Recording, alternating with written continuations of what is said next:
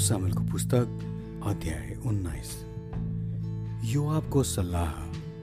अब्सलमको निम्ति राजा रुँदै र बिलाप गर्दै हुनुहुन्छ भनी आपले सुने। त्यस दिनको विजय जम्मै सेनाको निम्ति शोकमा परिणत भयो। किनभने तिनीहरूले सुने कि राजा आफ्नो छोराको निम्ति शोकित हुनुभएको छ। लडाइँबाट भाग्दा आफ्ना अनुहार देखाउन लाज मानेका मानिसहरू झैँ तिनीहरू चुपचाप सहरभित्र पसे। राजाले आफ्नो अनुहार ढाकेर ठुलो स्वरले रुँदै भने मेरो छोरो अब्सालम अब्सालम मेरो छोरो मेरो छोरो।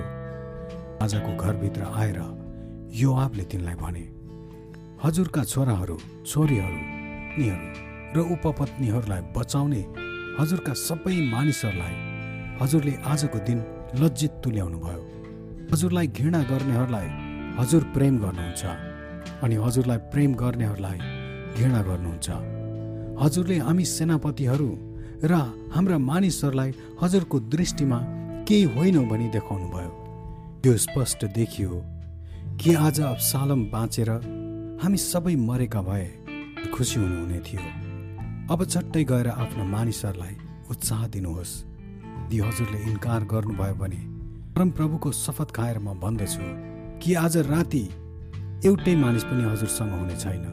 हजुरले आफ्नो जवान अवस्थादेखि भोग्नुभएका सबै सङ्कटभन्दा पनि यो सङ्कट चाहिँ सबभन्दा खराब हुनेछ। राजा उठे र मूल ढोकामा बसे। अनि जब राजा मूल ढोकामा बसिरहनु भएको छ भने मानिसहरूलाई सुनाइयो तब तिनीहरू सबै राजाको सामुन्ने देखा परे। दाउद एरुसलेममा फर्केका। त्यस बेलासम्ममा इजरायलीहरू चाहिँ आफ्नो घरमा भागिसकेका थिए। इजरायलका सबै कुल आपसमा कुरा गर्दै यसो भन्दै थिए राजाले हामीलाई हाम्रा शत्रुहरूदेखि बचाउनु भयो र पलिस्तीहरूको शक्तिबाट छुटाउनु भयो अनि अब अब्सालमको कारणले गर्दा राजा देशबाट भागेर जानुभएको छ। तर हामीले राजा अभिषेक गरेका अब्सालम लडाइँमा मारिएका छन्। अब राजालाई फर्काएर ल्याउने युक्ति हामीले किन नगर्ने? तब दाउद राजाले साधुक र अबियाथार पुजारीहरूलाई यसो भनी पठाए यहुदाका धर्मगुरुहरूलाई सोध राजालाई तिनका महलमा ल्याउनलाई किन तिमीहरू सबैभन्दा पछि हुने? किनभने जुन कुरा सारा इजरायलमा गरिँदैछ त्यो कुरा राजाको घरमा पुगिसकेको छ। तिमीहरू मेरा दाजुभाइ हौ। मेरै हाड र मासु। राजालाई ल्याउनलाई तिमीहरू किन सबभन्दा पछि लाउने? अनि अमासालाई भन। तिमी त मेरै हाड र मासु होइनौ र? यदि तिमी युवाको सट्टामा तिम्रो जीवनभरि नै मेरा सेनापति बनेनौ भने परमेश्वरले म प्रति कठोर व्यवहार गरून्। दाउदको यो समाचारले यहुदाका सबै मानिसहरूको मन एउटै मान्छेको मन जस्तै गरी जित्यो। अनि तिनीहरूले राजालाई आफ्ना सबै मानिसहरूका साथ फर्कनुहोस् भनी आग्रह गरी पठाए। यसैले राजा फर्के र एर्दनमा आए। मानिसहरू अब राजालाई भेट्न र नदी पारी लैजानलाई यहुदाका गिलगालमा आएका थिए। बहुरिमका बेन्यामिनी गेराका छोरा सिमी दाउद राजालाई भेट्नलाई हतार हतार गरी यहुदाका मानिसहरू सँगसँगै गए। उनीसँग साउलको घरानाका भण्डारे शिवा पनि आफ्ना पन्ध्र भाइ छोरा र बिसजना चाकर समेत एकजना बेन्यामिनीहरू लिएर गए। तिनीहरू एर्दन नदीमा कुदेर गए जहाँ राजा थिए। जघारमा पार गरेर राजाका घरानालाई तार्न लागे र तिनको हुकुम अनुसार गर्ने उत्साह देखाए। गेराका छोरा सिमी एर्दन पार गरेपछि राजाको सामुन्ने घोप्टो परे। र राजालाई भने हजुरले मलाई दोषी ठहराउनु भयो होला। हजुरले एरुसलेम छोड्नुहुँदा हजुरको दासले कस्तो निर्लज व्यवहार गरेको थियो। ती सबै हजुरले नसम्झनुहोला भन्ने मेरो बिन्ती छ। त्यो कुरा राजाले मनमै नराख्नुहोला किनभने मैले खराब काम गरेँ भने म स्वीकार गर्दछु। आज हजुरलाई भेट्न योसेफको सारा घरानाको प्रथम मानिस म नै हुँ।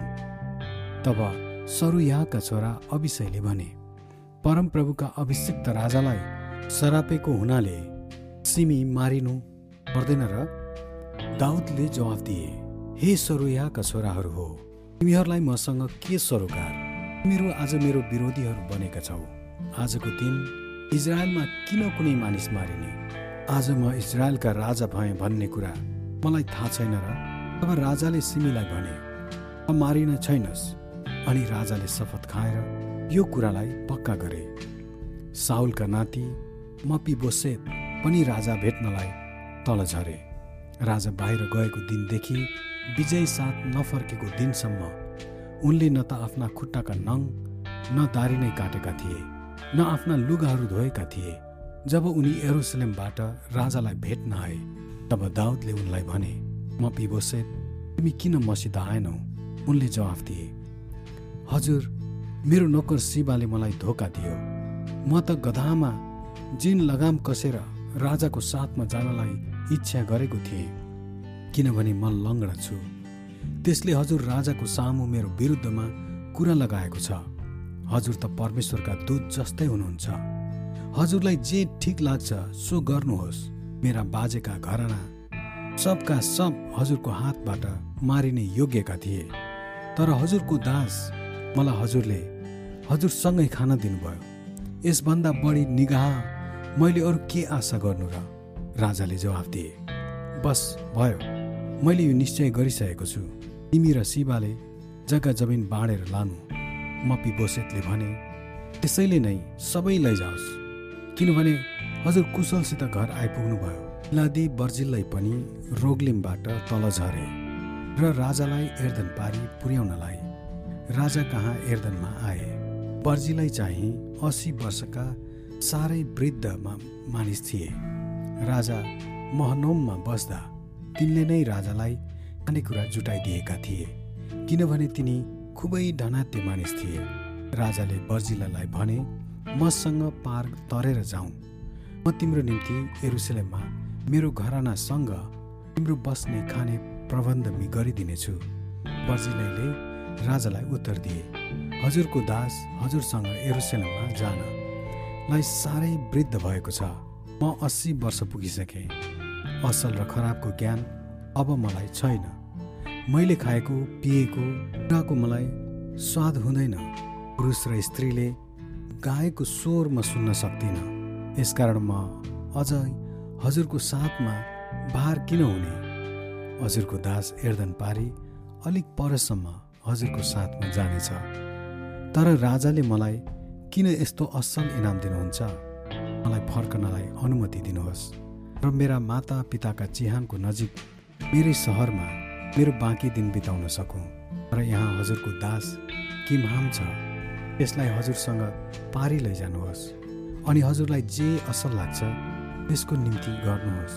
राजाले जवाफ दिए त्यसो भए किमहाम मसँग पारी जाओस्।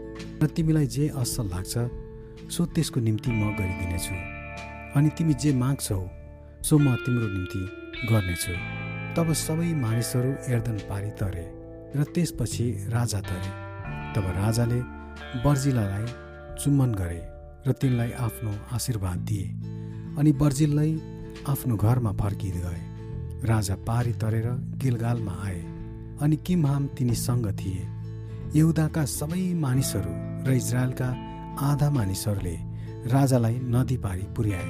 त्यसपछि इजरायलका सबै मानिसहरू एकसाथ जम्मा भएर राजा कहाँ आए र यसो भने किन हाम्रा दाजुभाइ यहुदाका मानिसहरूले हजुरलाई लगे अनि राजा र तिनका घराना र तिनका सबै मानिसहरूलाई लगेर एर्दन पारी ल्याए? यहुदाका मानिसहरूले जवाफ दिए किनभने महाराजा त हाम्रा नजिकका नातादार हुनुहुन्छ। यसमा तपाईँ किन रिसाउनुहुन्छ? के हामीले राजाको धन खाएका छौँ? के हामीले केही उपहार आफ्नै लागि लिएका छौँ? इजरायलका मानिसहरूले यहुदाका मानिसहरूलाई जवाफ दिए। राजामा हाम्रा दस भाग छन् अनि त्यसबाहेक दाउदमाथि तपाईँहरूको भन्दा बढी हक छ। तपाईँहरू हामीलाई किन तुच्छ सम्झनुहुन्छ? राजालाई फर्काइ ल्याइने कुरा के हामीले पहिले निकालेका थिएनौँ र र यहुदाका मानिसहरूले इजरायलका मानिसहरूले भन्दा झन कडा कुरा गरे। आमेन।